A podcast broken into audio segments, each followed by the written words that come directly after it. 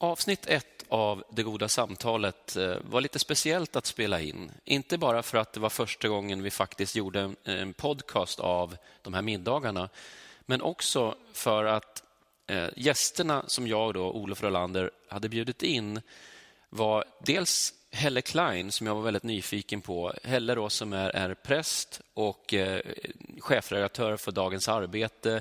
Hon har varit krönikör i Aftonbladet eh, och, och, journalist väldigt spännande människa som eh, jag försökte bjuda in ett stort antal gånger under förra året, men det liksom fick aldrig till det.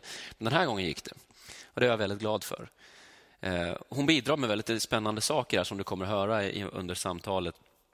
Sen var det då David Eberhardt, specialist i psykiatri, som jag haft med i, i, tidigare middag. Jag vet att han är otroligt bra att ha med på sådana här middagar, för han tycker till, han engagerar sig, han har åsikter. Han är samtidigt inte låst i sin position, vilket tycker jag skapar bra underlag för det goda samtalet. Eh, han är ju aktuell bland annat med den här boken Hur barnen tog makten. Sen har vi då Bob Hansson, poet och författare. Jag tror han har skrivit faktiskt ett tiotal böcker, bland annat den här boken Kärlek, hur fan gör man? Och Bob har en, en, en ingång, en vinkel på saker och ting som jag tycker är väldigt speciellt. Eh, till exempel kommer det höra sen när vi pratar om begreppet döden, så kommer han ha ett, en, liksom en inblick i det, en annan ingång som jag tycker är eh, typiskt just för Bob, att han ser saker på en, ett annorlunda sätt.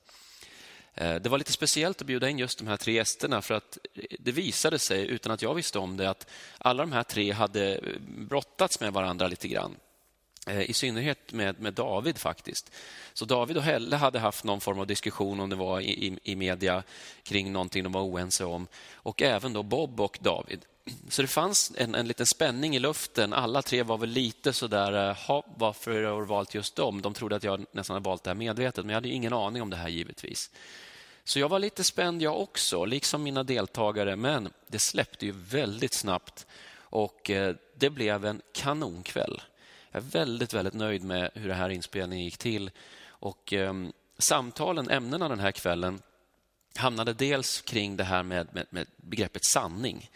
Är allting relativt? Eh, är alla sanningar lika mycket värda? Finns det någon som eh, har vetenskapen någon form av veto eller är det en bland många?